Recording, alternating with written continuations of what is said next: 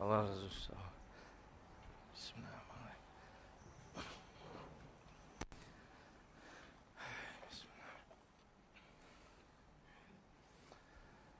Euzu billahi mineşşeytanirracim. Bismillahirrahmanirrahim. Elhamdülillahi rabbil alamin. Essalatu vesselamu ala Resulina Muhammedin ve alihi ve ashabih men tebi'ahu bi ihsanin ila yevmiddin. Değerli kardeşlerim, hepinizi selamların en güzeliyle, Allah'ın selamı ile selamlıyorum. Allah'ın selamı, rahmeti, bereketi, afiyeti, mağfireti üzerinize olsun. İkincisiyle huzurlarınızdayız. Envarul Kur'an derslerimizin. Cenab-ı Hak Kur'an'ın nurundan yararlanma noktasında hepimizi muvaffak kılsın inşallah. Işık diye Kur'an'ı görenlerden, ışık diye onun nurundan aydınlananlardan, başka karartılara ışık diye kanmayanlardan eylesin. Geçen hafta bir giriş yapmıştık. Bu hafta da bizim bu tefsir derslerindeki önce amacımızı, hedefimizi ardından da şahsen öteden beri yıllardır yapmaya çalıştığım tefsir okumalarında takip ettiğim metodu sizlere aktarmak istiyorum. Hani ulaştığım sonuçlara nasıl ulaşıyorum? Metodum nedir? Metodumuz bilinmezse ulaştığımız sonuçlar doğru kavranamayabilir. Öyle bir algıya mahal vermemek için bu derste sizlerle inşallah metodumu paylaşmak isteyeceğim. Bir takım örnekler üzerinden neleri nasıl yaptığımı sizlere özellikle aktarmaya gayret edeceğim inşallah. Değerli kardeşlerim, amacımız nedir? Elbette bunu birkaç kelimeyle de olsa dile getirmek gerekiyor. Ben amacımızı da hedefimizi de Kur'an'dan belirlemeye gayret eden bir insanım. Yani bu sorunun cevabını da Kur'an'dan bulmaya gayret edelim isterim. Bu itibarla tefsir derslerindeki asıl hedefim, asıl amacım Rabbimizin bize yönelik emir ve buyruklarına riayet edebilme, o noktada ulaşılabilir bazı sonuçlara varabilmektir. İlk amacım vahyin ilk örneklerinden olan Alak suresinin hemen başındaki bir emre boyun büktüğümü gösterebilmektir. O emir Estağfirullah İkra Bismi Rabbikellezi halak emridir. Yaratan Rabbinin adı ile kıraat et ya da yaratan Rabbinin adını kıraat et. Yaratan Rabbinin adını düşün onun adına okumalarını gerçekleştir gibi çeşitli şekillerde tercüme edebileceğimiz kıraat etmek emrine boyun bükebilmektir. Yani Rabbimiz bize ikra emrini ulaştırdığında bizden bir şeyler yapmamızı istiyor. Onun bizden istediği şey kıraat etmek ise bizim tefsir okumalarımız ya Rabbi kıraat et dedin. Biz de kıraat etmeye çalıştık. Tefsir okumalarımız Allah'ın kıraat et emrine cevap bulabilmeyi hedeflemektedir. Ön, öncelikli hedefim, öncelikli amacım budur.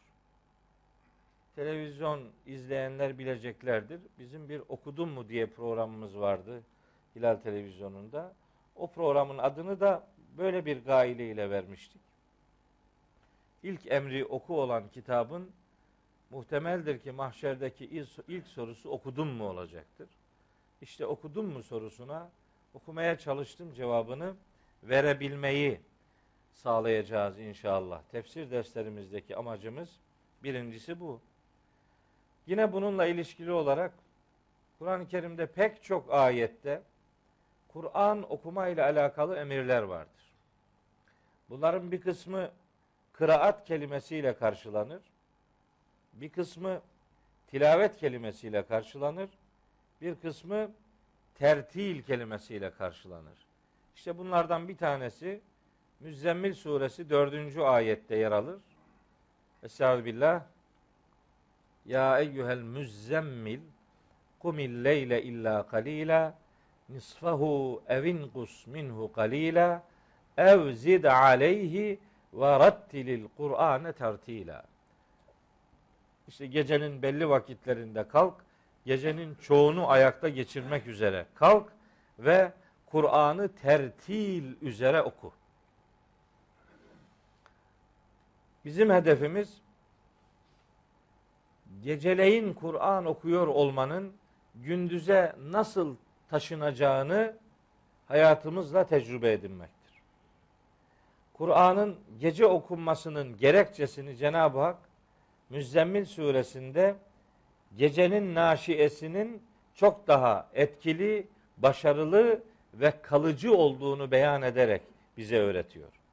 İnne naşiyetel leyli hiye eşeddu vat'an ve akvamu qila. Gecenin naşiyesi, gecenin inşası, yani geceleyin vahiy ile donanımlı hale gelmek çok daha etkili, çok daha kalıcı ve çok daha başarılıdır.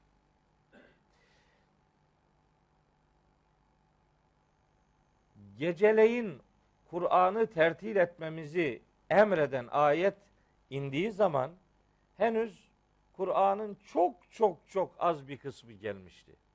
Yani en iyi ihtimalle 10-15 arası ayet gelmişti. Hani ilk sure Fatiha 7 ayet, ondan sonra Alak suresinin ilk grup ayeti, ondan sonra Müzzemmil suresi geliyor. Başka bazı sıralama değişiklikleri olsa da neticede hiçbir ihtimalde bu ayetler henüz indirilmeden önce 20'den fazla ayet gelmemişti yani. Niye gecenin yarısını, gecenin yarıdan çoğunu ayakta geçirmemiz isteniyor?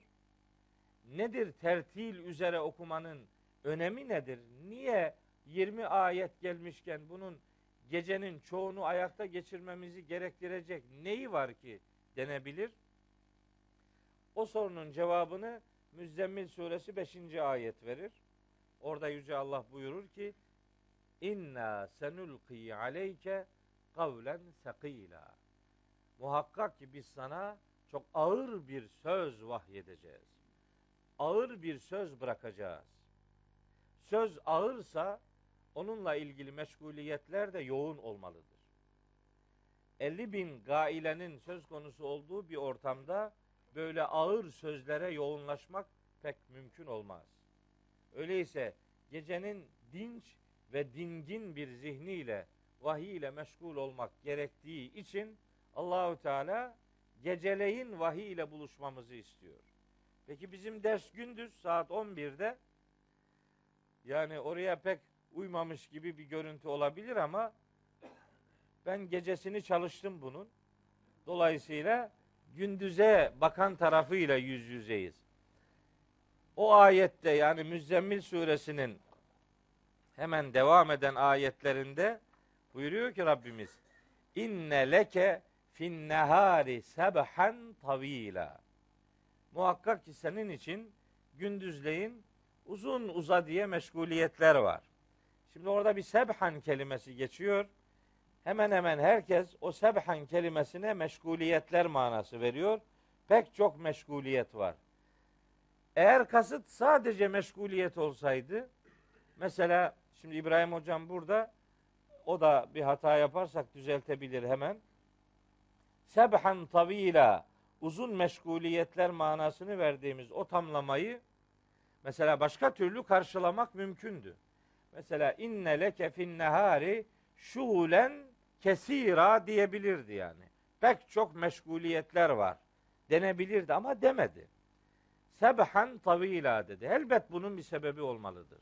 Sebaha kelimesi tesbih kelimesiyle aynı kökten geliyor. Sebaha kelimesi sebeha yesbahu yesbahun gezegenlerin yörüngelerindeki hareketini ifade eden kelime de aynı kökten gelir. Tesbih de aynı kökten gelir. Belli ki Rabbimizin söylemek istediği şu. Gecesini vahyin inşa ettiği adamın gündüz meşguliyetleri tesbihe döner. Siz gecenizi ne ile aydınlattığınıza bakın. Gecesini uykuyla geçiren adamın gündüz meşguliyetlerinde fazla bir hayır olmaz. Gündüz yaşadığınız hayat gecenin inşasının görüntüsü olsun. Öyleyse geceleyin vahiy ile inşa olursanız gündüz karanlıklardan cehalet, günah, kibir, şirk, kebair dediğimiz o ağır günahlardan kurtulursunuz. Zaten vahyin gece gelmeye başlamasının da böyle bir esprisi vardır. Vahiy gece gelince gece gibi kabul edilen cehalet karanlıklarının aydınlığa kavuşturulması amaçlanmaktadır. Gece gelen vahiy karanlıkları aydınlığa dönüştürme iddiasındadır. Öyleyse gecesini vahyin inşa ettiği bir hayat gündüz tesbihe ve hayırlı meşguliyetlere döner.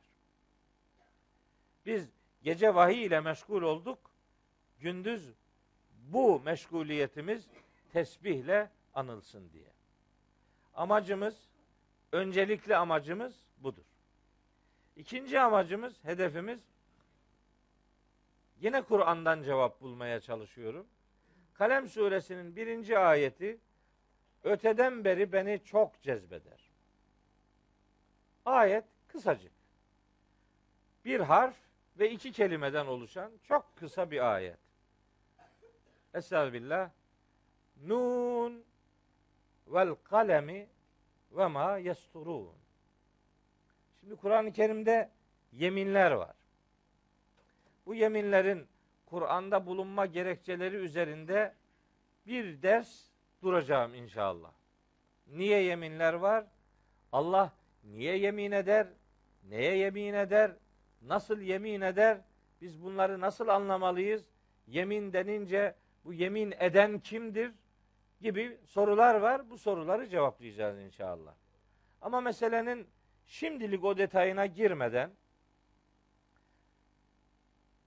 Kur'an'daki yemin ifadelerinin aslında bir şahitlik kurumu olduğunu sözün en başında söyleyebilirim.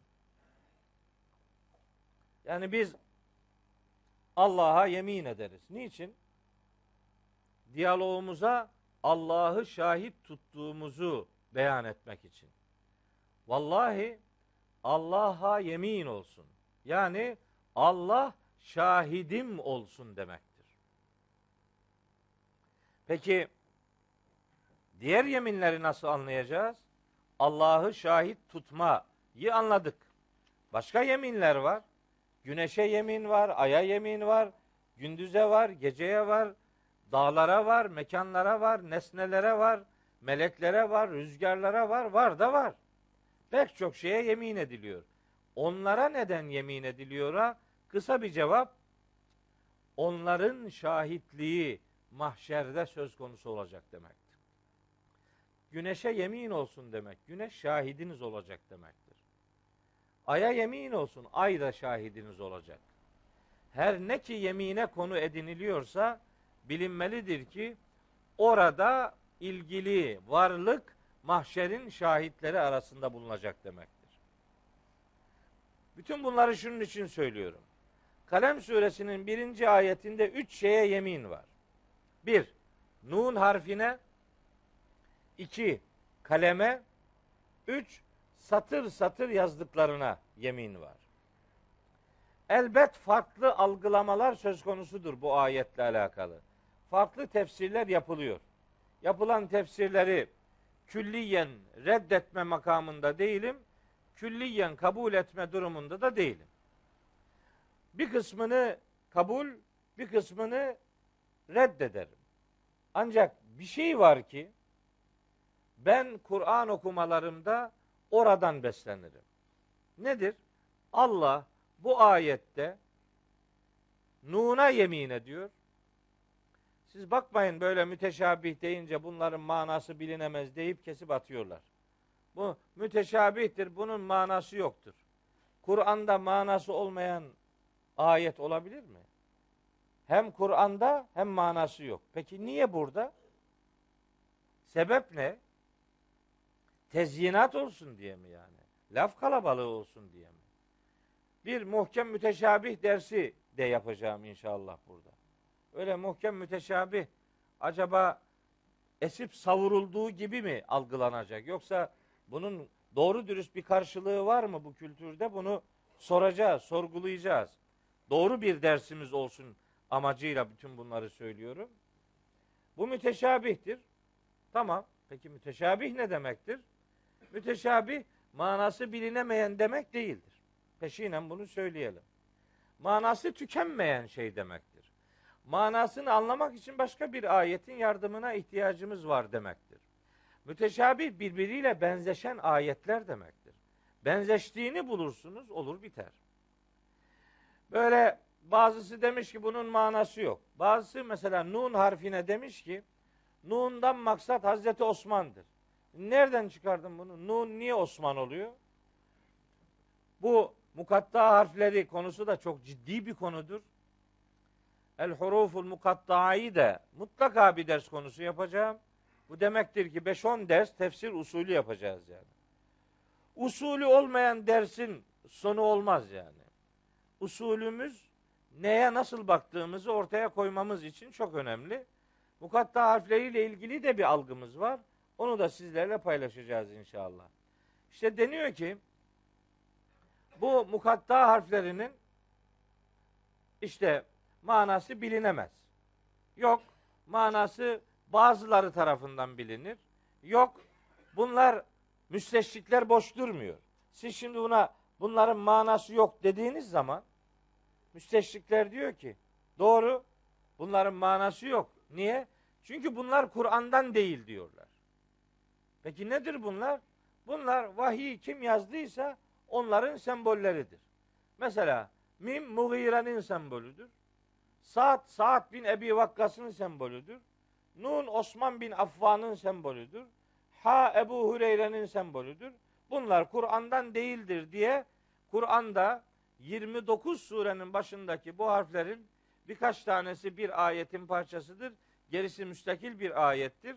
Bunları manası yoktura çıkarıyorlar. Öyle çıkarınca da elin alemin adamı da bu defa diyor ki bunlar zaten manasız olduğu için Kur'an'dan değildi diye böyle bir yaklaşım ortaya koyuyorlar. Zinhar bunu reddediyorum. Asla böyle bir şeyi kabul etmediğimi sözün burasında söyleyeyim. Peki buradaki mana ne olabilir? İşte Osman demişler. Burayı göğe Hazreti Osman yazmış gibi. E canım Hazreti Osman'ın burayı yazdığına dair kimsenin elinde bir delil yok. Yok öyle bir şey. Demişler ki bunun Hazreti Yunus'tur. Peki nereden çıkardık bunu? Surenin son bölümünde 48. 49. ve 50. ayetlerde Hazreti Yunus'a bir gönderme var. Ve nuni diye bir ifade var Kur'an-ı Kerim'de. Enbiya suresinde geçer. Nun sahibi diye tercüme edilir. Nun sahibinden kasıt Hazreti Yunus'tur. Enbiya suresinin 87. ayeti. Hazreti Yunus orada nun böyle yazılmıyor ama. Normal en nun diye yazılıyor. Nun sahibi Yunus. Bu ayette ise Kalem suresinde sahibil hut diye geçiyor. O da balığın sahibi demek. O da Yunus peygamberle buluşuyor. Öyleyse bu Nun Yunus'tur diyorlar. Hazreti Yunus'tur. Böyle bir tefsir yapıyorlar. Başka şeyler söyleyenler de var. Ama bana göre buradaki Nun ne Yunus'tur ne Osman'dır ne de bir başkası. Ne de manasızdır. Nun yazı malzemelerinden biri olan hokka içine mürekkebin konulduğu cam fanusa derler ki zaten nun harf olarak da şekil olarak da ona benziyor. Hokkaya yemin olsun. oradan beslenen kaleme yemin olsun ve kalemle yaz satır satır yazdıklarına yemin olsun. Bizim tefsir dersimizdeki amacımız yazdığımız satırlarımız mahşerde şahidimiz olsundur. Bütün derdim, bütün maksadım Kur'an adına, vahiy adına her ne meşguliyet ortaya koyuyorsam bu ayetlerden beslenerek mahşerdeki şahitlerimin sayısını çoğaltmaya gayret etmektir. Sizin derslere takibiniz de aynı gayenin bir başka ifadesi olarak görülebilir. Başka amacımız nedir? Rabbimiz bizi niye yarattığını çeşitli ayetlerde söyler. Belki bunlar da müstakil bir ders konusudur. Ama sözün hemen burasında çok kısa birkaç ayet söyleyeyim. Bunlardan bir tanesi yaratılış gayemizi ortaya koyan mesajlardan biri Zariyat suresinin 56. ayetidir. Orada Rabbimiz buyuruyor ki Estağfirullah ve ma halaktul cinne vel inse illa liya'buduni. Ben cinleri ve insanları sadece bana kulluk yapsınlar diye yarattım. Tefsir dersimizin amacı Allah'a kulluk görevimizi yerine getirme noktasındaki bir gayrettir. Kulluğumuz önce anlamayla başlayacak. Anlamadan kulluk yapamayız. Kime, niye kulluk yapacağımız mabut diye kabul ettiğimiz Rabbimizin beyanlarını anlamamızla başlar. Anlamadan uygulamanın çok da bir manası yoktur. Çünkü niye, nasıl gerçekleştirildiğinin cevabı doğru dürüst kavranamıyor demektir. Yaratılış gayelerimizden biri bu. Mesela başkaları da var. Burada Mülk suresinin ikinci ayetini verdim. Böyle bir e, görüntü veriyorum özellikle ki hani ayetler görülsün diye. Ama tabi burası çok ışık olduğu için bu defa ayet görünmüyor.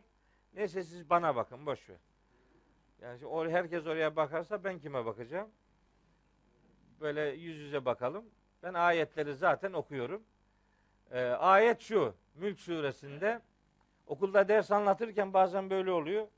Şimdi bir şey söylüyorsunuz. Bütün öğrenciler böyle yazıyor. Ve peki biz kime bakacağız? Duvarlar kalıyor geriye. Ya diyorum Allah rızası için hani bunu farz-ı kifaya kabul edin. Bir kısım yazsın gerisinden düşsün bu iş. Bizim de muhabbet edeceğimiz, yüzüne bakacağımız, sinerji alacağımız bir aday olsun karşıda diye böyle not tutunca hepsinin kafası düşüyor çocukların. Öyle olmasın. Şimdi oraya da bakmayın bu defa yani ben taşa çıkmış olmayayım. Birbirimize bakalım.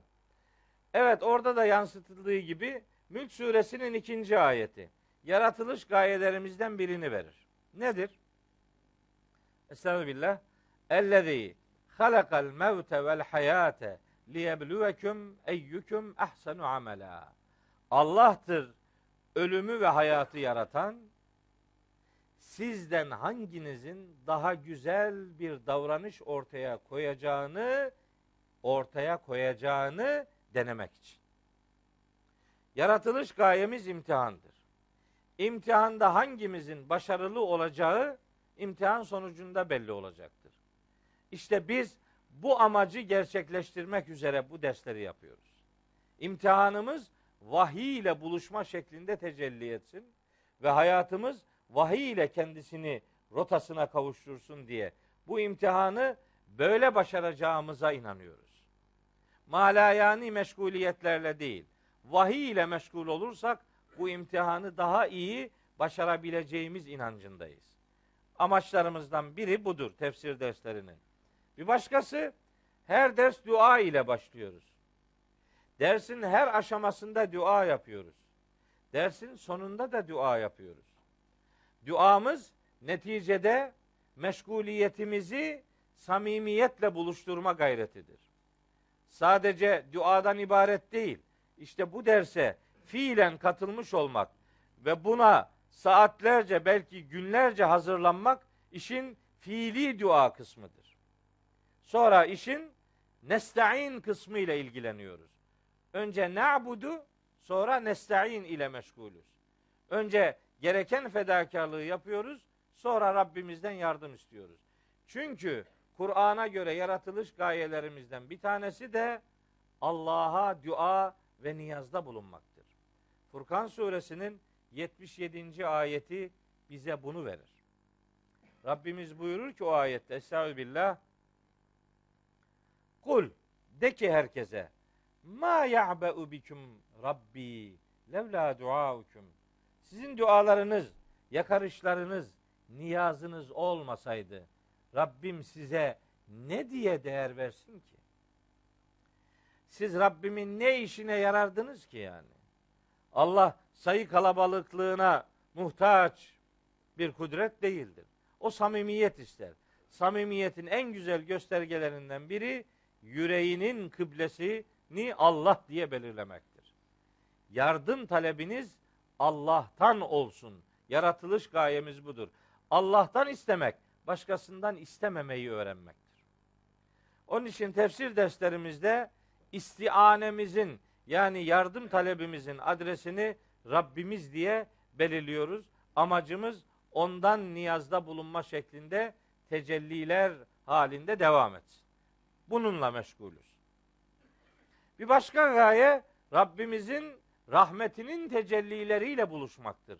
Hud suresinin 119. ayeti de bunu verir. Şimdi mesela Kur'an'a göre insanların yaratılış amacı nedir denince herkes standart bir cevap verir. Allah'a kulluktur diye. Yani Zariyat suresinin 56. ayetini verir. Tek cevap. Halbuki bunun tek cevabı yok, dört cevabı var. İşte dördünü de burada bu vesileyle söylemiş oldum. Bir, kulluk. İki imtihan. Üç, Allah'a dua ve niyaz. Dört, onun rahmet tecellileriyle buluşmak, onun merhametine sığınmak.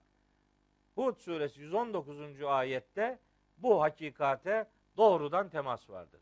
İlla men rahime rabbuk ve lidâlike halakahum. Merhametinin tecellisi olarak Allah insanları yaratmıştır.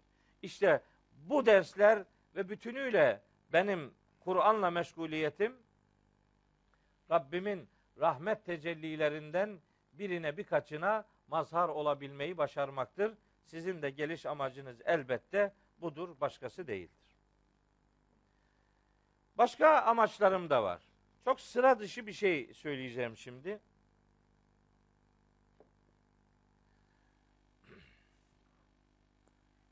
Çok sıra dışı mı bilmiyorum. Belki de burada söylenmiştir. Yani güya ben de ilk defa bir şey söylüyormuşum gibi çok kahramanlık yapmak istemem. Böyle bilgiçlik taslamayı hiç sevmem. Çünkü ne zaman ne zaman ben bu meseleyi çözdüm diye tamamdır bunu hallettim diye Kur'an'ı kapattıysam gece rüyama giriyor ayet olmadı diyor bu. Kalk. Bir daha kalkıyoruz yani. Bu iş bitti demek şeytani bir dürtüdür. Bitti yok. Bu sadece başlar devam eder. Nereye kadar? Ölene kadar. Ölene kadar öğreneceğiz. Her yeni gün yeni bir şey öğreniyoruz. Biz yeni öğrenince millet de yeni öğreniyor zannediyoruz. Halbuki bir kısmı bunları biliyor. Olsun tekrar etmiş oluyoruz yani. Şimdi bakın. Rahat suresinin 43. ayeti var. Rahat suresi. Bu ayet oldum olası beni titreten ayetlerden biridir. Rahat suresi 43. ayet. Kutlu doğum haftaları var bilirsiniz. 1989 yılından beri uygulanıyor, kutlanıyor. Ben de her hafta, her sene o organizasyonlara giderim. Yurt içine, yurt dışına, işte neresiyse giderim yani. Şimdi kutlu doğumlar var. Hazreti Peygamber'i anma programları diye başladı. Sonra ısrarla dedik ya peygamber biz anılacak biri değil. Peygamberimiz anıların konusu değil. Peygamber anılara terk edilecek, hatırası yad edilecek biri değil. O küçük adamlara yönelik iştir. Hazreti Peygamber anıların değil, anın konusudur. Bugünün, buradanın, şimdinin, yarının konusudur. Peygamberimizi anılara terk etmek, onu hiç anlamamaktır. Soruyorum işte katıldığım organizasyonlarda. Hazreti Peygamber'i seviyor musunuz? Herkes seviyor. Peki nasıl seviyorsun? Mesela Hazreti Peygamber'i yanı başında bir 24 saat düşünebiliyor musun? Yok. Hazreti Peygamberle bir hafta geçirebilir misin? Yok. Hazreti Peygamber'i evine götürebilir misin? Yok. Çarşıya götürebilir misin? Yok. Sahillerde dolaştırabilir misin? Yok. AVM'lere götürebilir misin? Yok. Uçağa bindirebilir misin? Yok. Yani nasıl seviyorsun bunu? Uzaktan. Ne kadar? 1400 sene uzaktan. Böyle platonik aşk diyorum ben buna. Böyle pratiği olmayan, faydası da olmayan böyle seviyorsun, uzaktan seviyorsun. Yanına, semtine uğratmıyorsun. Ben onlara diyorum ki Hazreti Muhammed'in aleyhisselam peygamber olduğuna iman ediyoruz. Bunda zerre kadar şüphemiz yok. Tamam. Peki peygamber olduğuna inandığın Hazreti Muhammed'in peygamber olduğuna şahit olmak ister misin? İsteriz değil mi? İmanımıza şahit olmak elbet isteriz. İşte bunun bir tane yolu var. Bu saatten sonra Hz. Muhammed'i bedenen yanı başımızda görme imkanımız yok. O vefat etti her fani gibi. Gerçi bazıları vefat etmediğinde söylüyor. Geziyor yanda bu yanda filan. Yok öyle bir şey yok yani. Tabii ki yok yani. Tabii ki yok. Yani yani onu onu dillendirmek dile ziyan yani. Öyle bir şey yok. Tabii ki vefat etti. Ama onun peygamberliğine şahit olmaktan söz ediyor bu ayet. Bakın ne diyor. Ben bu ümmetin Hz. Muhammed'in peygamberliğine şahit olması gerektiğine inanan bir kardeşiniz. Benim tefsir derslerimin bir amacı da bu şehadeti gerçekleştirmektir. Buyuruyor ki Rabbimiz kafirlerin bir sözünü hikaye ederek. Buyuruyor ki Estağfirullah. Ve yekulüllezine keferu. Kafirler derlermiş ki Efendimiz'e sallallahu aleyhi ve sellem. Efendimiz deyince de bir kısmı kızıyor. Ya hiç kimseyi memnun edemiyoruz. Efendi efendi yok diyor. Efendi Allah için kullanılır. Hazreti Muhammed için ya bırak Allah'ını seversen ya. Ben peygamberimi çok seviyorum. Zorla mı? Çok seviyorum. Efendi deyince de bir saygı ifadesi. Haşa Allah'la beraber onu öyle mi düşünüyorum? Yok. Allah etmesin yani. Öyle bir şey düşün. Müşrik olur adam. Ama çok seviyorum peygamberimi ya. Gerçekten çok fazla seviyorum. Onun için dilim de alıştı. Efendimiz diyorum. Rabbimiz kainatın sahibidir. Efendimiz de bize rehberlik yapan kişi anlamındadır. Üsve-i hasene yani. O anlamda alıyoruz. Diyorlar ki peygamberimize leste mursela. Sen peygamber filan değilsin. Sen gönderilmiş değilsin. Sana Allah bir şey indirmiş değil. Müşrikler de kendi kafalarına göre Allah'ı sahiplenerek peygamberleri suçluyorlar. Hani Kur'an'da var ya em yekulun efterahu. Yoksa onu o uydurdu mu diyorlar. Peygamberimizin vahyi uydurduğunu dolayısıyla Allah'a iftira ettiğini söylüyorlardı Mekkeli müşrikler. Kendilerince Allah'ı sahipleniyorlar. Yani bizim Allah'ımız insan peygamber göndermez. Gönderse gönderse Mekke'de Velid bin Mughire'yi efendim Taif'ten de Urve Es-Sekafi'yi gönderirdi. Sen kimsin diye peygamberimizi yalancılıkla suçluyorlardı ve onu kabul etmiyorlardı. Şimdi o ayetle ilgili bakın hem onların sözünü naklediyor Rabbimiz sonra da cevap veriyor. Buyuruyor ki kul de ki böyle diyenlere Kefa billahi şehiden beyni ve beyneküm. Benimle sizin aranızda şahit olarak Allah yeter. Benimle sizin aranızda şahit olarak Allah yeter. Allah şahit ki ben onun peygamberiyim. Ve bir şahit daha var diyor. Kim? Men indehu ilmul kitab. Katında, beyninde, yüreğinde, algısında kitabın bilgisi olanlar şahidim olarak yeter diyor. Kitabın bilgisine sahip olanlar Hz. Muhammed'in peygamberliğinin şahitleridirler. Ben bu ümmetin peygamberimizin peygamberliğine sadece iman etmekle yetinmemesini, ona şahit olmaları lazım geldiğine de inanan bir insanım. Öteden beri Rahat suresi 43. ayet benim peygamberimi bana tanıtan kaynağın Kur'an olduğunu haykırarak ortaya koyan bir mesajla önümüzde durmaktadır. Bizim tefsir derslerimiz böyle bir şehadet kurumuna hizmet etmeye adaydır. Şahsen buna çok büyük özen göstermeye gayret ediyorum. Allah mahcup etmesin inşallah. Tefsir derslerindeki bir başka amacımız Ruzi mahşerde peygamberimizin şikayetine muhatap olmamaktır. Çünkü şikayet edeceğinden beyan buyuruyor Rabbimiz. Furkan suresi 30. ayet kapı gibi ortada. Estağfirullah. Ve kâler Resulü ya Rabbi inne kavmi ittehazu hâzel Kur'ane mehcura. Peygamber demiş olacak ki mahşerde konu mahşerle alakalı. Ayetlerin bağlamına baktığınız zaman arkasına önüne baktığınız zaman meselenin mahşerle alakalı olduğu gün gibi aşikar. Furkan suresinin hemen 22. ayetinden itibaren 30. ayetine kadar gelen bölüm mahşerle alakalı. Orada dile getirilecek bir beyandır bu. Peygamberimiz buyurmuş olacak ki Ey Rabbim şu benim kavmim bu Kur'an'ı mehcur bıraktılar. Kur'an'ı mehcur bırakmak Kur'an'la arasına mesafe koymak demektir. Kur'an'la yüzleşmemek demektir. Kur'an'la yan yana belki iç içe olmasına rağmen Kur'an'dan ayrı kalmaktır. Koltuğunun altında Kur'an olmasına rağmen Kur'an'dan uzak yaşamaktır. Buradaki mehcur kelimesinin tercih edilmesi son derece manidardır. Yani mehcur metruk demek değil. Metruk tamamen terk edilmişlik manasına gelir ki o zaman maksat büyük ihtimalle müşrikler olur. Ama burada maksadın özellikle müşrikler değil, Kur'anlı da olmuyor, Kur'ansız da olmuyor diyen müminler olduğunu düşünüyorum. Hayatına rehberlik yapmıyor Kur'an-ı Kerim. Kur'an-ı Kerim kendisine ışık vermiyor. Kur'an'da bir konu açıklanmış olmasına rağmen Kur'an'ın dediğini değil, başka görüşleri esas alıyor.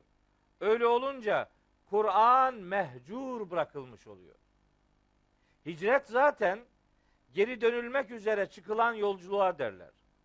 Yolculuk için bir yere doğru gidiyorsunuz ama aklınız hep geride. Aklınız bir yerde bir yolculuk yapıyorsunuz. Mekke'den Medine'ye doğru gidiyor ama aklı Mekke'de kalıyor. Hicret aklı geride kalan yolculuğun adıdır. Kur'an'ın mehcur bırakılması da böyle bir şey. Kur'ansız olmuyor ama Kur'an'dan da beslenmiyor. Ben İbn Teymiye'nin dediği gibi Kur'an okumamak ondan mehcurluktur veya ona karşı bir mehcurluktur. Okuyup anlamamak da onu mehcur bırakmaktır. Anlayıp yaşamamak da onu mehcur bırakmaktır. Bizim davamız Kur'an'ı mehcur bırakmamaktır. Kur'an'ı yani Allah'ın nurunu arkamıza atmamak, önümüze almaktır. Yani Kur'an'ı takip etmektir. Ondan ayrı ve ondan uzak değil, ona paralel değil, onun rehberliğinde, onun izinde hayatını devam ettirmeye gayret etmek. Böylece mahşerde peygamberimizin şikayetinden kurtulabilmektir. Tefsir derslerindeki amaçlarımdan biri budur. Bir başkası şu. Bunların Arapçasını yazamadık. Türkçesini yazdık. Bunlar hadis-i şerif. Şimdi bizi öteden beri çok kötü kendilerince eleştirenler var. Eleştirdikleri mesele bunlar bunlar dedikleri bir takım. Bir grup. Bunlar sanki bu aydan geldi. Bunlar ne bunlar kim yani? Senden ayrı namaz kılmıyor bu adam. Bu, bu şimdi beni eleştirenler var da bakıyorum. Benden az kılıyor namaz. Benden az oruç tutuyor. Hele zekatı benim gibi hiç anlamıyor. Çünkü o arabaya zekat vermiyor, eve vermiyor, arsaya vermiyor, hiçbir şeye zekat vermiyor. Ben bunların hepsinin zekatı var diyorum. Ben gevşek oluyorum, o ciddi oluyor. Nasıl oluyorsa. Mesela ben kurban Allah'ın emridir diyorum, o sünnettir diyor. Müekket sünnet falan öyle gidiyor. Ben zekatı çok daha kapsamı geniş bir kavram olarak algılıyorum. Ben mesela sadaka vermek farzdır diyorum, o sünnettir diyor mesela. Ben mesela yolculuk namazlarını eksiltemezsin diyorum. Tam kılacaksın. O yarıya indiriyor çeyrek. Üçte bir, dörtte birle götürüyor. O iyi oluyor. Ben çok kıl diyorum. Benimki gevşek oluyor. Ben anlamıyorum yani. Nasıl bir şey bu yani? Nereden anlıyorsun gevşek olduğumu? İşte diyor ki bunlar hadisleri reddediyor. Haşa. Hiç öyle bir şey yok. Yani öyle bir şey yok yani. Niye öyle? Yani bunu böyle burada da bırakmıyor. Diyor ki peygambere karşı bu. La havle ve la kuvvete illa billah. Ya Hazreti Kur'an'ın peşinden giden adam otomatik peygamberimizin peşinden gidiyor demektir yani. Nasıl bir şey bu yani? Bu kitabı kabul eden nasıl olur da Hazreti Muhammed'e karşı mesafeli olur? Böyle bir şey olabilir mi? Ama karalayacak ya, karalamak için iyi bir slogan geliştirmesi lazım. Bunlar sünnete karşı hadis düşmanı diyor. Bak bak bak. Cümleye bak yani. Ne kadar boyunu aşan cümleler. Bu ümmet içinde ahirete en kuvvetli inanan adam benim. Ben kendim öyle görüyorum. Herkes kendisini öyle görsün. Bana göre böyle. Niye? Böyle suçlamalara konu edindiklerini düşündüğüm adamlarla hakimi Allah olan mahkemede yüzleşmek istiyorum.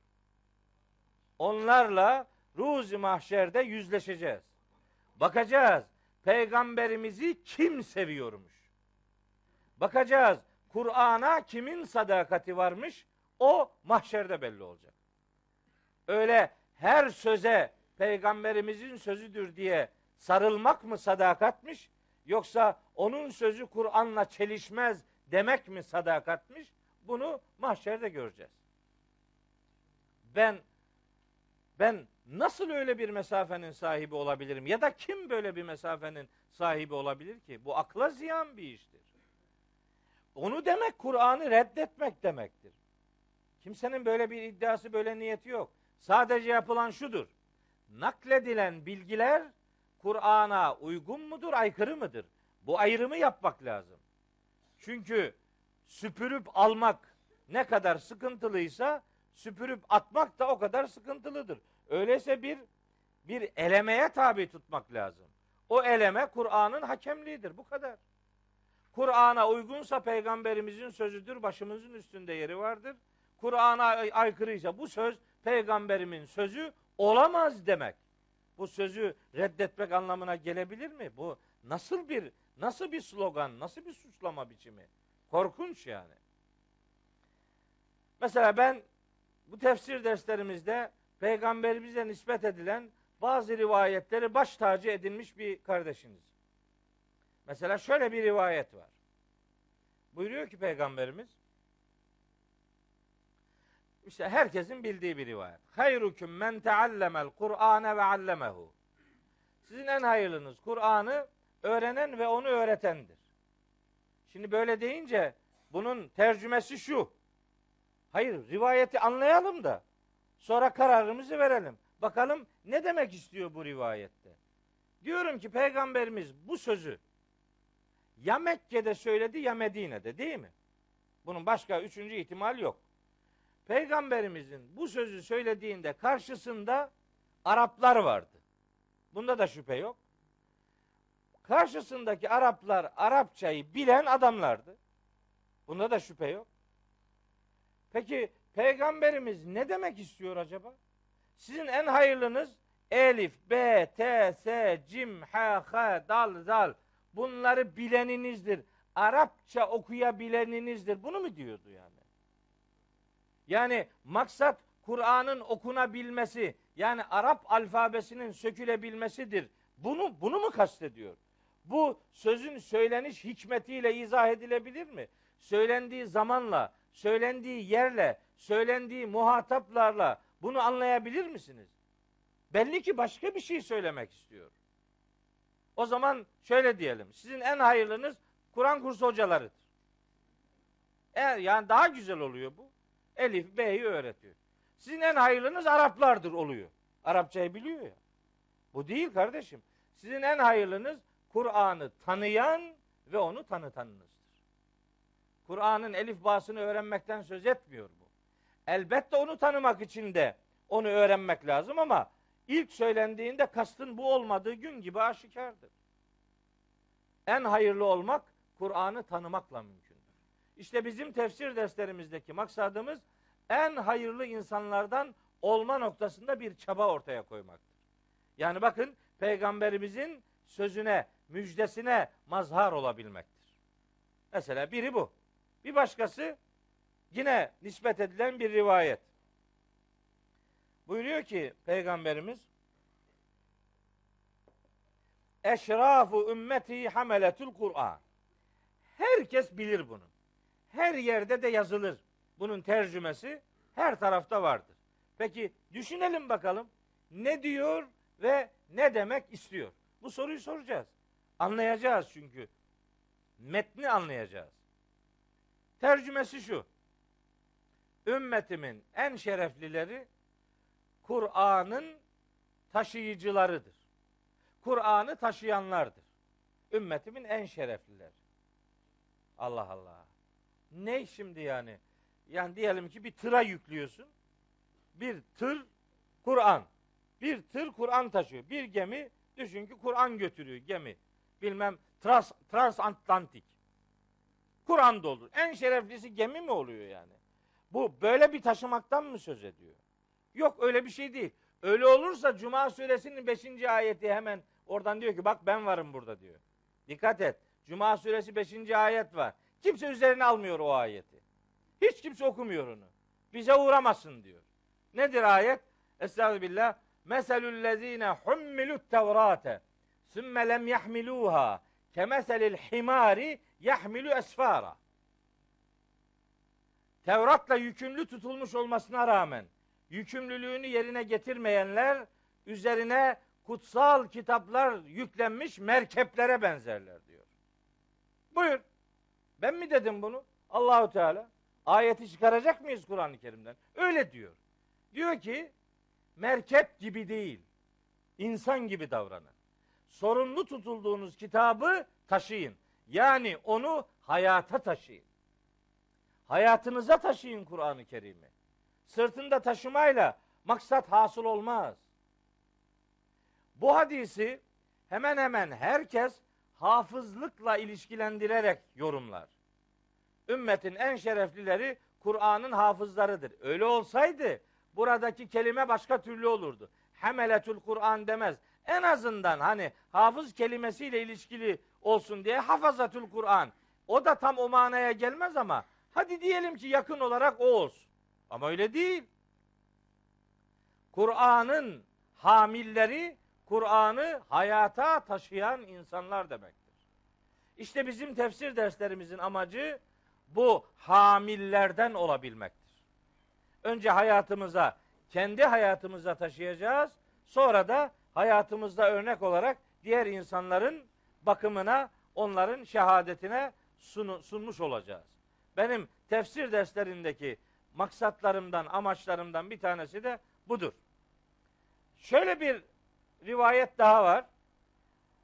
Beni öteden beri heyecanlandıran bir tane daha var. O da şu. Arapçasını söyleyeyim. Fadlu kelamillahi ala gayrihi kefadlillahi ala halqihi. Allah'ın kelamının diğer sözlere olan üstünlüğü Allah'ın mahlukata olan üstünlüğü gibidir. Yani Allah yarattığı varlıklardan ne kadar üstün ve yüce ise onun kelamı da diğer sözlerden o kadar yüce ve üstündür. İşte benim amacım tefsir derslerimizdeki amacımız, hedefimiz Rabbimizin bu yüce olan kelamının yüceliğini fark edebilmek ve onun bizi de yüceltmesini sağlayabilmektir. Onun için vahiy ile meşgul oluyoruz. Onun için vahyi anlamaya gayret ediyoruz. Onun için vahiy ile hemhal olmak diye bir derdin ve gündemin sahibi olmaya gayret ediyoruz. Başka bir rivayet Şimdi şöyle rivayetler var. Zeyyinu el Kur'ane bi esvatikum. Kur'an'ı seslerinizle süsleyin. O orada yok. Orada arıyorsunuz yok orada. Bana bakın işte. O, o. Bence burası daha cazip. Sesiniz, seslerinizle Kur'an'ı süsleyin. Otomatik ne demek bu? Yani Kur'an süslenebilir bir metindir. Yani yeterince süslü değildir. Siz ona biraz katkı, biraz kamuflaj ya da biraz kaporta, boya muamelesi yapıp onu biraz daha süsleyebilirsiniz. Bu rivayet öteden beri dikkatimi çekmiş ve beni zorlamıştır. Sonra bir baktım ki İbn Abbas'tan gelen o konuyla ilgili bir başka rivayette kelimelerin yer değiştirilerek nakledildiği anlaşılıyor. O rivayette ise şöyle beyan ediliyor. Zeyyinu asvateküm bil Kur'an'ı. Siz seslerinizi Kur'an'la süsleyin. Kur'an'ın süse ihtiyacı yok. Sesinin süse ihtiyacı vardır ki en güzel süs Allah'ın kelamının oluşturacağı süstür. Şimdi ne güzel sesli hafız diyoruz. Çok güzel okuyor mesela. Bizim oradaki güzellik tanımımızın içinde üç tane argüman var. Bir, sesi güzel. iki nefesi uzun. Üç, makamı güzel tutturuyor. Başka, başka bir ölçü yok. Hepsi bundan ibaret. E ne yapalım sesi benim gibi karga sesliyse ne olacak? Ne yapalım? Fazla da nefesim uzun değil. Hele makam dersi de hiç almadım. Ne yapalım yani şimdi? Biz ebedül abad bu güzellikten istifade edemeyeceğiz demek ki. Kur'an'ı bir türlü süsleyemeyeceğiz biz. Onu belli adamlar süslemiş oluyor. Yok. Bu konuda da işte bir rivayet var. Çok nefis bir rivayet. Öyle metnini ezberlemişim ki böyle sarılıyorum rivayete. Metni şu. İnne ahsenen nasi savten bil Kur'an. Ellezî izâ semi'tehu yakra'u ra'eyte ennehu yahşallâhe teâlâ. Rivayet bu. Yani insanların Kur'an'la ilgili sesi en güzel olanı şudur. İnsanların Kur'an'la ilgili olarak sesi en güzel olanı şunlardır. Kimler? Ellezî izâ semi'tehu yakra'u. Kur'an okuduğunu duyduğunda adam Kur'an okuyor, sen de onu işitiyorsun. Ra'eyte görürsün ki ennehu yahşallaha teala. Bu adamın Allah'a derin bir saygı duyduğunu görürsün yüzünde. İşte sesi en güzel olan manası bedenine, ruhuna, yüzüne yansıyan adamdır. Yani Allah'a meydan okur gibi Kur'an okumaz. Kur'an okunduğu zaman çenesi üzere adeta yere kapan, kapanan bir duyarlılığın, bir boyun büküşün sahibi olur. Öyle bir dakika, bir buçuk dakika, iki dakika nefesi uzun tutmak bir maharet değildir. Maharet okuduğun metnin ne dediğini anlaman ve o manaya uygun mümkünse bir ses ortaya koyabilmen ya da onu hayata taşımandır. En güzel ses böyle hayata aktarılmış vahyin oluşturduğu etkidir.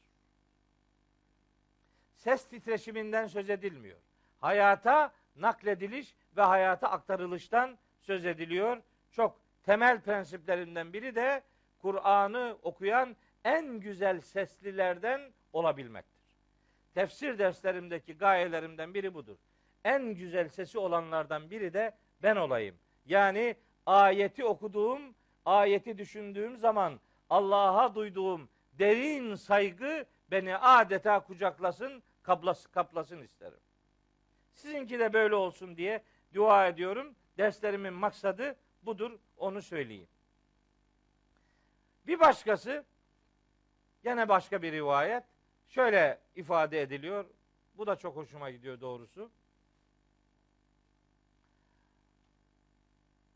İza ahabbe ahadukum en yükellime rabbehu felyakra'il Kur'an. Sizden biri, sizden biriniz Rabbi ile konuşmak isterse Kur'an'ı kıraat etsin. Allah'la konuşmak ister misiniz? Kur'an'ı kıraat edin. Yalnız kıraat edeceksin. Tilavet değil. Tilavet, kıraat farklı kavramlar. Tilavet bir biyolojik, nesnel bir okuma biçimidir daha çok.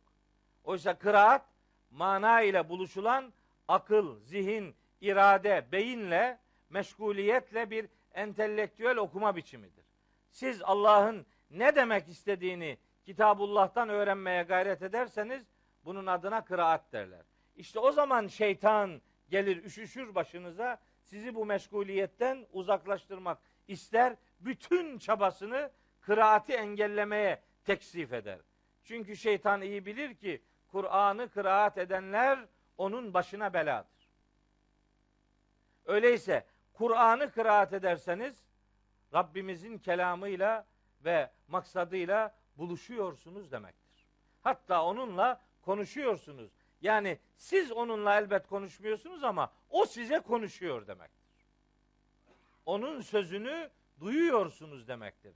Ayetler size de iniyor demektir.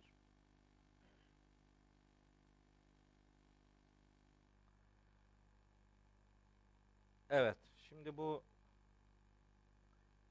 bilgisayarlar, teknolojiyi iyi kullananlar için bilgisayarlar avantajdır. Fakat çok iyi bilmiyorsanız bu başınızı karıştırabilir. Şimdi bu yazılan şeye baktım. Ben öyle yazmamıştım. Böyle çıktı. Yani hani adamın biri yoldan gidiyormuş. Yoldan giderken affedersiniz yola bir hayvanın işte kuyruğu yolda ama hayvanın kendisi böyle çalılığın içinde kuyruğu yolda. Giderken anlamamış baş, basmış kuyruğuna tabi hayvan bağırmış öbür taraftan. Bu da demiş Allah Allah biz nere bastık ses nereden çıktı? Yani ben böyle yazmamıştım bu karıştı bu. Hazreti Ali'ye nispet edilen bir dua var. Çok harika bir duadır. Çok sevdiğim bir duadır. Bunu her gün defalarca yaparım. Rabbime böyle seslenirim yani. Tefsir derslerimin her yerinde bu seslenişin her kardeşimin yüreğinde yer bulmasını isterim. Diyor ki Hazreti Ali kefani fakren en tekune rabben ve kefani izzen en ekune leke abden ente kema uhibbu fec'alni kema tuhibbu Ya Rabbi senin benim Rabbim olman bana övünç olarak yeter. Ve ey Rabbim benim sana kul olmam bana şeref olarak yeter. Ey Rabbim sen tam da benim sevdiğim gibisin. Öyleyse beni de senin sevdiğin gibi yap. Duam öteden beri budur. Rabbimi çok seviyorum. Onun da beni sevmesini istiyorum. Onun beni sevmesinin yolu Kur'an'ı anlamaktan ve Kur'an'ı yaşamaktan geçer. Geleneksel din algımızda Kur'an'la ilgili şöyle bir şey var. Ee, piramit oluşturdum ben. Bir piramit var. Piramite bakıyorsunuz çok güzel görünüyor. Yani tepede, zirvede Kur'an-ı Kerim, işte altında hadisler, altında tefsirler, aslında altında İslam tarihi, fıkıh kitapları, altında kültür kitapları, ilmi haller filan böyle. Daha da var tabii yani. Buna 40 kat yapacak halimiz yok. Ama bir mantığı ortaya koymak için söylüyorum. Diyorlar ki siz Kur'an'ı anlayamazsınız. Giriş cümlesi bu. Hatta biraz daha ağır söylüyorlar. Sen kim oluyorsun da Kur'an anlıyorsun? Olur. Peki bu Kur'an kime geldi? Bana gelmedi mi? Ben bunu anlayamıyorsam ben bundan sorumlu değilim o zaman. Demek kurtulduk. Ya anlayamıyorsan bana hitap etmiyorsa bu ben bundan sorumlu değilim. Kurtardık o zaman. Ben inanmasam da olur diyorum. Olmaz diyor. İlla inanacaksın. E anlamıyorum ama olsun. Anlama ama inanacaksın. Sakın anlamaya çalışma. Peki ille de anlamak istiyorum deseniz önünüze böyle bir şey çıkarıyorlar. Piramit. Bir piramit var. Bu piramitin piramite buradan helikopterle inecek halin yok. İster istemez bu aşağıdan başlıyorsun. Aşağıda ne var? İşte kültür kitapları. Çeşitli kültürel kitaplar var. Onlar size ayarlıyorlar hangi kitabı okuyacağınızı. Takım takım bölünmüş. Her takım belli kitapları okuyor. Onları veriyor size, okuyorsunuz. O arada dini pratikleriniz olacak. Bunlar için de elinize bir ilmihal tutuşturuyorlar. İlmihali okuyorsunuz. Böyle oluyor ama ben diyorum ki kardeşim kimin ilmihalini okuyacak bu adam? Kimin ilmihalini öneriyorsun? Orada da takımın ilmihali. Her takımın bir ilmihali var. Her takımın bir kültür kitap dizisi var ve her takımın bir ilmihali var. Onları okuyorsun. Bir dizi devam ediyorsun yani. Sürekli onları okuyorsun. Diyorsun ki tamam ben oldum.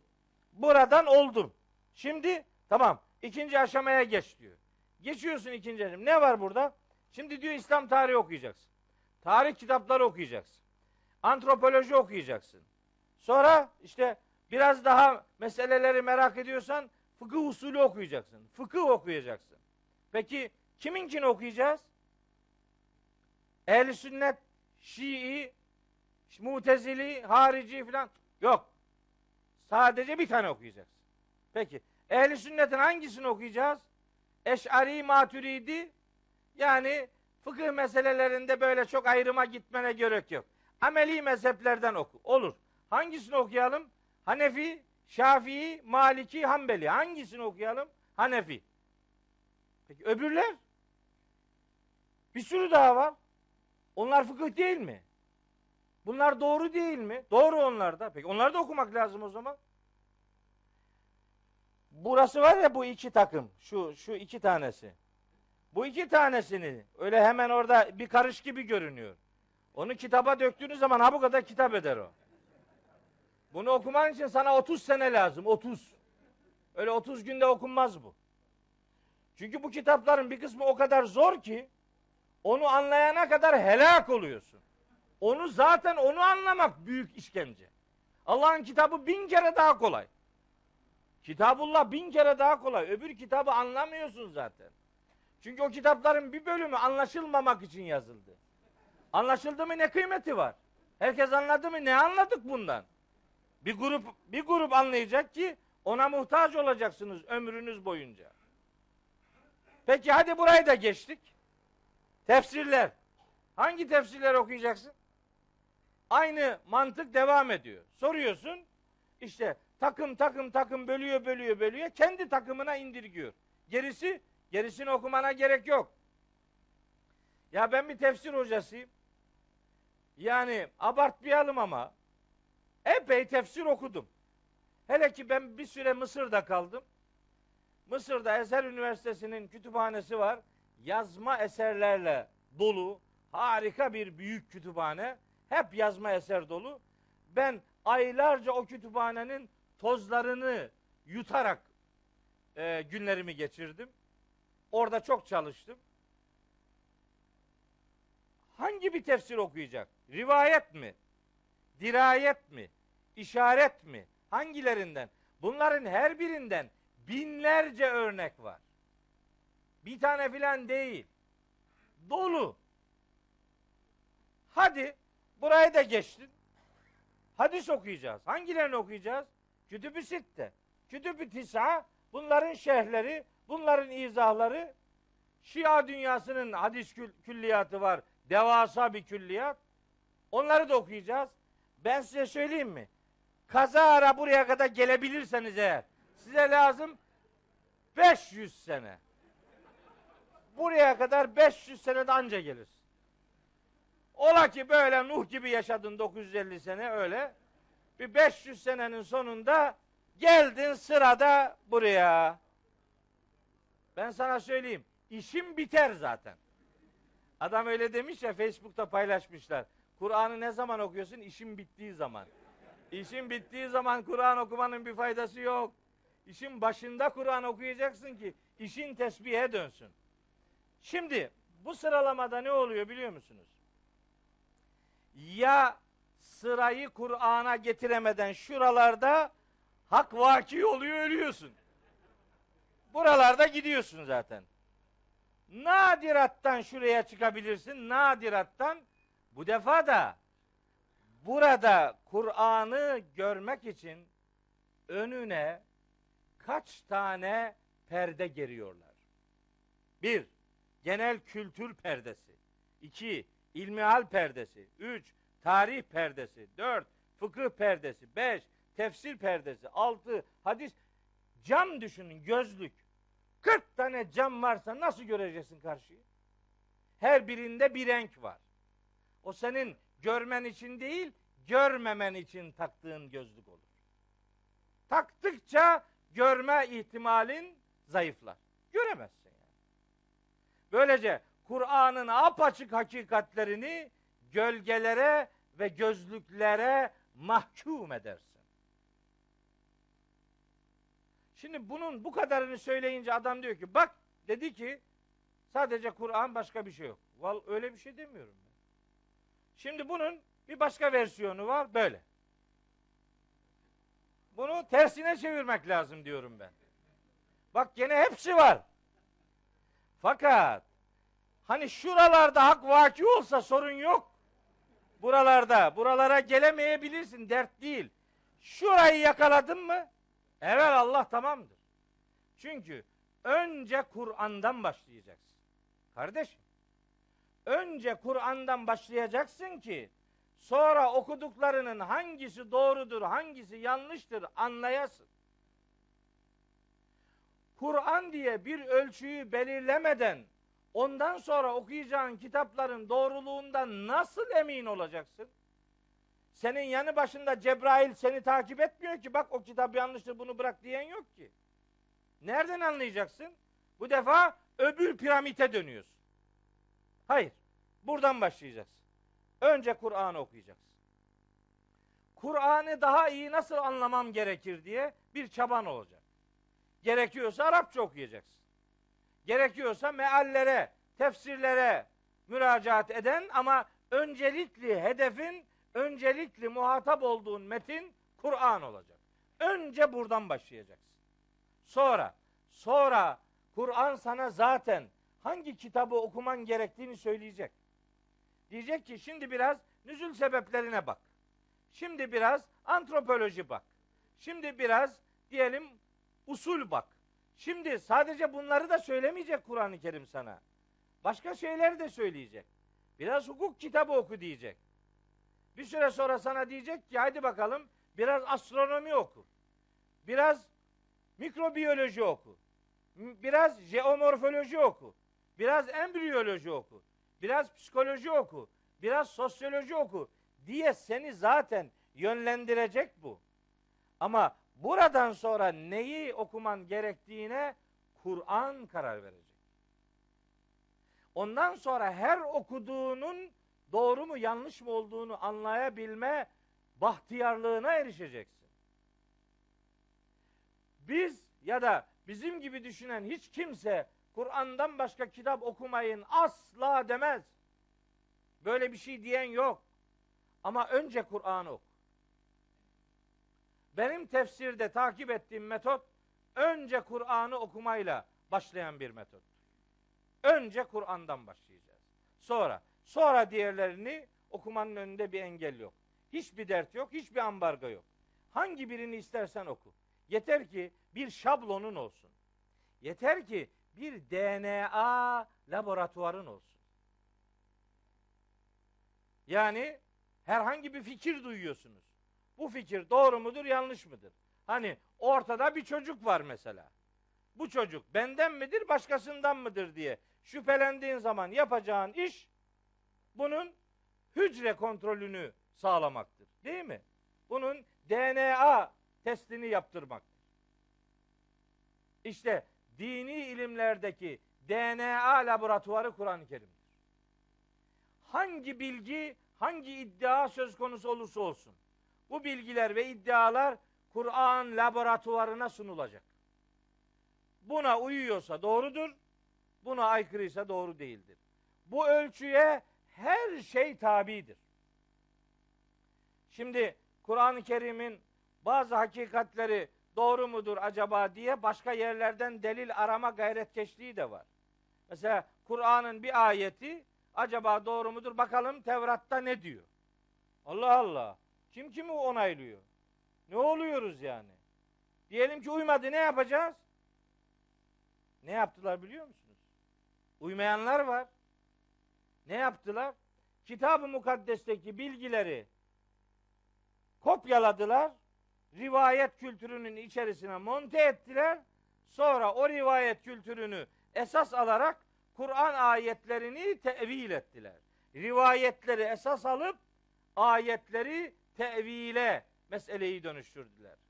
Oldu mu bu? Bu mu vahye sadakat? Bunun bir bir örneklerini sizlere aktaracağım inşallah. Öyle hepsi hafızamda var. Hangi ayetle ilgili nasıl yalpalamalar yaşanıyor? Bunlarla ilgili öteden beri zihnimde yoğurduğum bir takım örneklerim var. Onları inşallah bu dersler boyunca sizlere aktarmaya gayret edeceğim.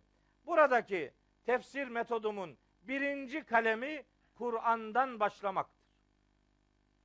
Şimdi Kur'an okuyacak olan veya ilk defa Kur'an okuyacak olanlara da tavsiyem becerebiliyorsa işte Kur'an dersleri diye bir ders halkası oluşturmak ve onun üzerinden Kur'an'ı anlamaya gayret etmek. Ama Kur'an'dan başlasın. Diğer kitaplardan başlayınca ya sıra Kur'an'a gelmiyor ya da Kur'an'a sıra gelse bile artık Kur'an'ı göremiyorsun. Hani işaret parmağı işaret edilen yere bakılmayı sağlar. Siz işaret parmağının işaret ettiği yere değil de işaret parmağına bakarsanız bu işaretin bir anlamı olmaz. Gözlük camına bakıp da gözlükten bakmazsanız, cama bakıp da camdan bakmazsanız görülmesi gereken şeyi göremezsiniz. Bu bilgilerde de böyle işaret parmağına bakıp sizi oraya mahkum etmek gibi bir sonuç var maalesef. Öbür türlü okumaya başladığınız zaman önünüzde herhangi bir ambargo yok. İstediğinizi okuyabilirsiniz. Kur'an sizin elinizden tutar ve sizi çaresizliğe asla terk etmez. Birinci metodum budur. İkincisi Kur'an'ı Kur'an'la anlamaya çalışmak. Evet. Ben böyle çalışıyorum. Çünkü biliyorum ki Kur'an-ı Kerim'de konular serpiştirilerek ele alınmıştır.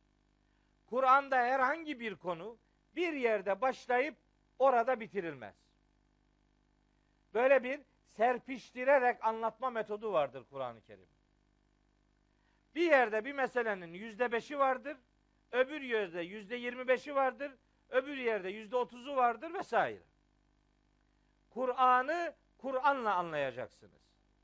Neticede Rabbimiz kitabı ile alakalı bu beyanı bize öğretiyor. Hud suresinin 1 ve 2. ayetleri. Çok net, harika bir usul öğretir. Buyurur ki Rabbimiz Elif lam ra Elife, lama ve ra harflerine yemin olsun. Kitabun uhkimet ayatu. Bu ayetleri muhkem kılınmış, sapa sağlam, güvence altına alınmış muhkem bir kitaptır. Her ayeti muhkemdir, muhafaza altına alınmıştır. Sümme fussilet. Sonra her biri açıklanmıştır. Kim tarafından? Minledün hakimin habirin. Her hükmünde hikmet sahibi olan ve her şeyden haberdar olan kudret tarafından. Yani Allah tarafından açıklanmıştır. Öyleyse bir ayetin açıklamasını merak ediyorsanız o açıklamayı Kur'an'ın bir yerlerinde bulursunuz. Vardır o. Bir yerde vardır. Bulamıyorsan senden kaynaklanıyor. Vardır o bir yerde. Çünkü Rabbimiz açıkladığını söylüyor. Açıklanmış. Niye kendisi açıklamış? Onun sebebini de söylüyor. Ella ta'budu illallah. Allah'tan başkasına kulluk yapmayasınız diye. Yani sizin göreviniz en çok hangi ayeti, hangi ayet açıklamıştır bunu bulmaya gayret etmektir. Bunu yapmaktır sizin en çok meşgul olmanız gereken nokta budur. Kur'an'ı Kur'an açıklamıştır. Benzer ifadeler Fussilet suresinin 3. ayetinde de vardır. Onun üzerinde durmadan geçiyorum. Metodumdaki üçüncü nokta Mekki medeni sıralamasını ve bu surelerin özelliklerini çok iyi bilmek. Şimdi bakın. Bu o kadar önemli bir şey ki Kur'an-ı Kerim'de dediğim gibi meseleler serpiştirilerek anlatılmıştır. Bir meseleyi bir yerde topluca görmüyorsunuz. Bunun asıl mantığı şudur. Siz Kur'an'da herhangi bir konuyu merak ediyorsanız, Kur'an'da herhangi bir meselenin nasıl ele alındığıyla ilgili bir gündeminiz varsa yapmanız gereken şey sadece o konudaki ayetleri bilmek değil. Bu çok önemlidir ama yetmez. Hani bir konuda doğru bir kanaat sahibi olabilmek için Kur'an adına doğru bir kanaat sahibi olabilmek için ayetin içini iyi bilmek lazım. Ayetin kullandığı kelimeleri, kavramları iyi bilmek lazım. Ayetlerin siyakını, sibakını yani bağlamını iyi bilmek lazım. O konudaki bütün ayetleri iyi bilmek lazım. Bunların hepsi önemlidir ama her birinden daha önemli başka bir şey daha vardır. O da bütün Kur'an'ı bilmektir.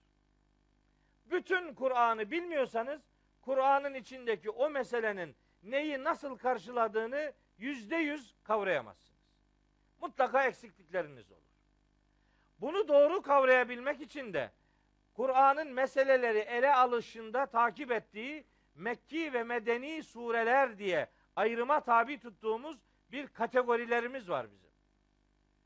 Bir meselenin Mekki surelerdeki görüntüsü nedir? Medeni surelerdeki görüntüsü nedir? Bunu bilmek gerekir. Bunu bilmezseniz Mekki surede geçen bir kavrama o kavramın Medine suresinde kazandığı manayı yüklerseniz ayeti anlayamazsınız. Yanlış anlarsınız yani. Bir pratik örnek vereyim. Bir tane örnek vereyim. Mesela cihat kavramı. Mesela cihat kavramı çok önemli bir kavramdır bu kültürde. Şimdi bu kavram Mekki surelerde geçer. Nasıl geçer? Mesela Ankebut suresi 69. ayette cihat şöyle geçer. Estağfirullah. Vellezine cahedu fina lenehdiyennehum subulena. Bizim uğrumuzda cihad edenlere biz yollarımızı göstereceğiz. Orada bizim uğrumuzda cihad edenler, bizim uğrumuzda çalışanlar, fedakarlık yapanlar demek. Nasıl çalışırsanız, ne kadar cehdiniz olursa Rabbimizin o kadar yardımı size gelir. Oradaki cihat, çalışmak, fedakarlık yapmak demek. Bu kavram başka ayetlerde de geçer Mekki surelerde. Mesela ve aksemu billahi cehde imanihim. Var güçleriyle Allah'a yemin ettiler. Orada cehd var gücünü ortaya koymak demektir. İşte En'am suresinin 108. ayeti mesela herhalde e, ayet numarasını yanlış söylemeyeyim. 100 109. ayet En'am suresi. 109. ayet. Var gücünü ortaya koymak.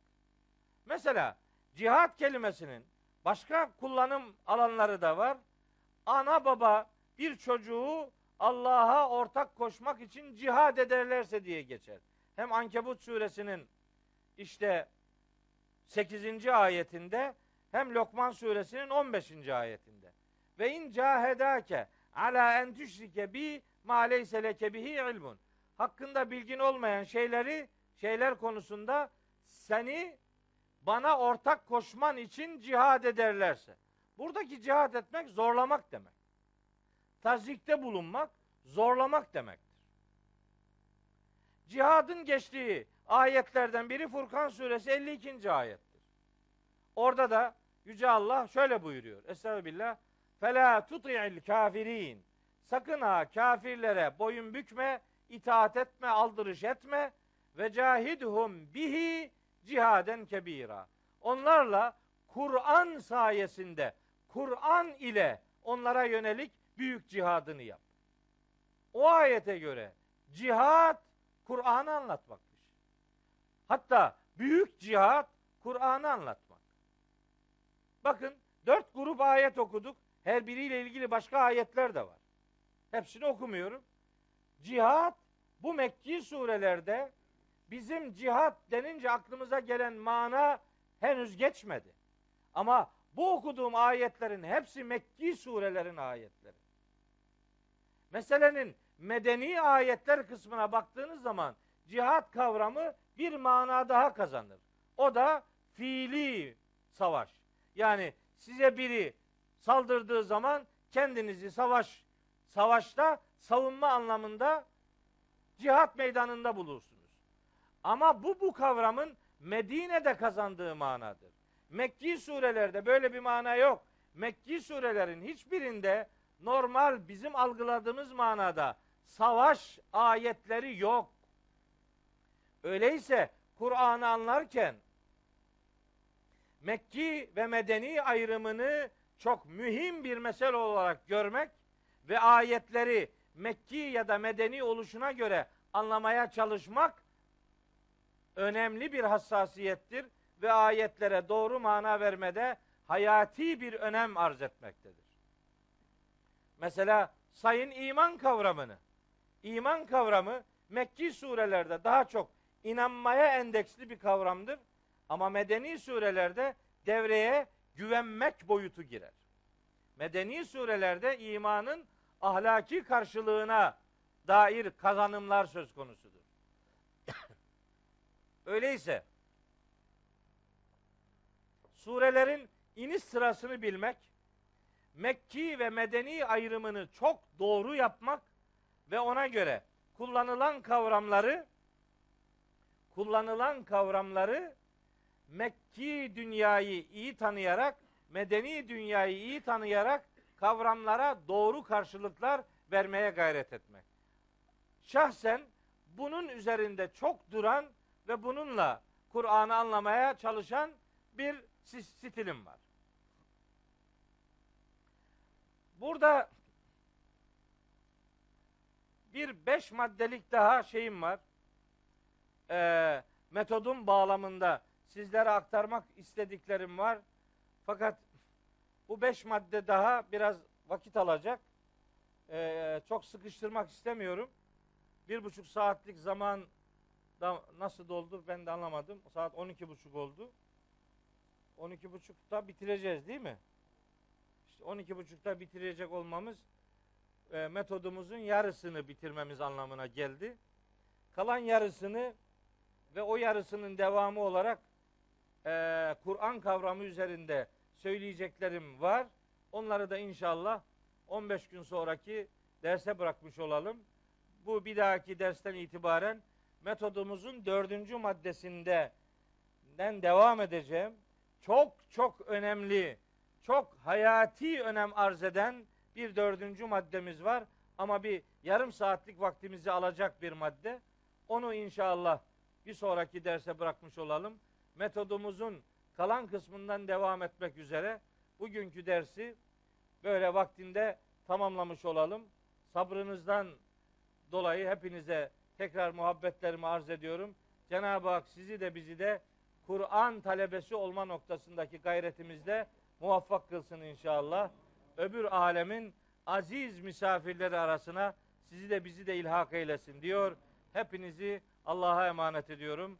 Allah yar ve yardımcınız olsun.